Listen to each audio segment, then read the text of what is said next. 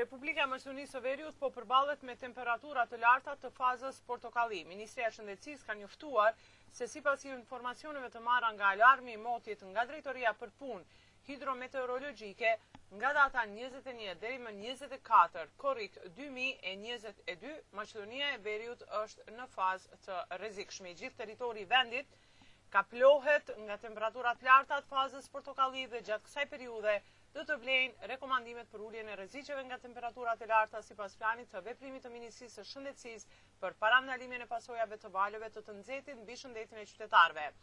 Lirohen nga detyrat e punës grupet më të rrezikuara të popullatës, si gratë shtatzëna dhe të sëmurët kronik, gjithashtu në institucione për kujdes të fëmijëve, kopshte, Nuk duhet të praktikohet aktiviteti fizik dhe fëmijët nuk duhet të nxirren jashtë në periudhën prej orës njëmbëdhjetë deri në orën shtatëmbëdhjetë. Në aspektin politik, java që lam pas solli një hap të jashtëzakonshëm për Republikën e Maqedonisë së Veriut. Është votuar në Kuvendin e Republikës së Maqedonisë së Veriut propozimi francez më datën gjashtëmbëdhjetë korrik. Pas tre ditë debat për këtë propozim, kundërshtime dhe tentime për përplasje fizike, gjatë gjithë debatit deputetët e partisë opozitare VMRO-DPMNE përmes fishkëllimeve me bori i kanë penguar deputetët e partive në pushtet që të mbajnë fjalimet e tyre, por kjo nuk ka pamundësuar votimin dhe kalimin e propozimit francez. Kryeministri maqedonas Dimitri Kovaçevski në fjalimin para deputetëve Që u përcoll me fishkëllima nga opozita me rastin e votimit të propozimit francez ka thënë se qeveria është e vendosur të qëndrojë në rrugën e mbrojtjes së gjuhës maqedonase, identitetit, veçorive historike dhe kulturore të popullit maqedon përmes barazisë së tij me kombet europiane. Për më tepër ndjekim deklaratën e tij.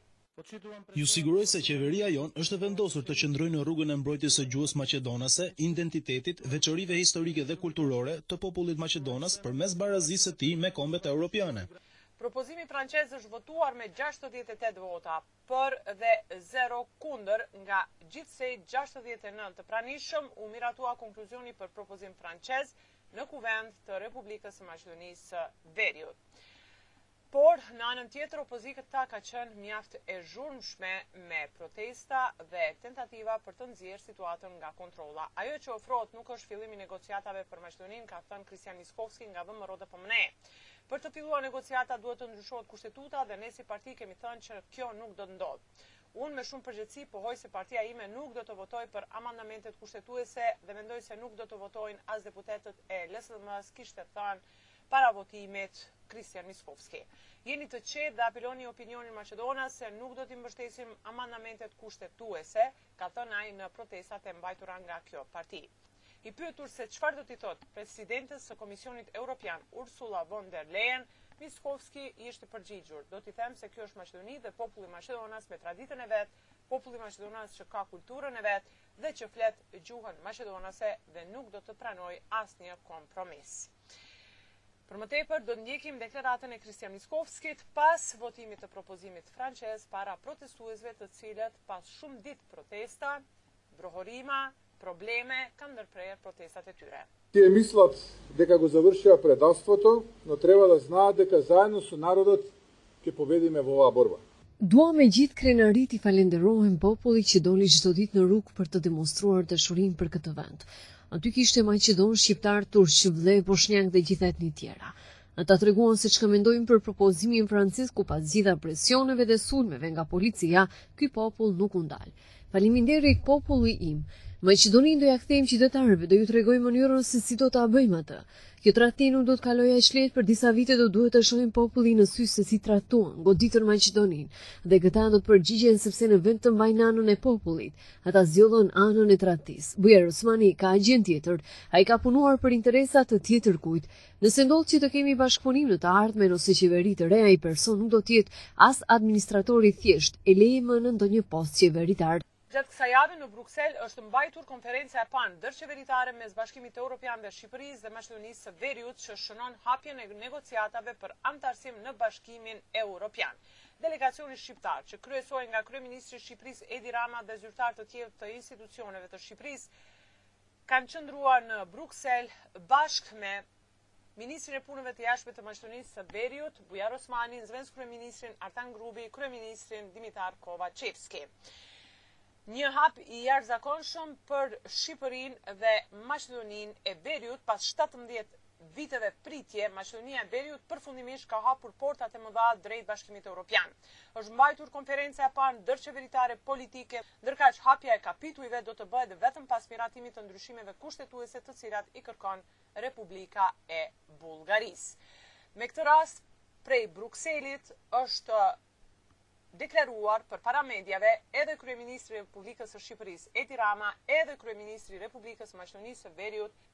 Dimitar Kovaçevski. Për më tepër ndjekim deklaratat e tyre.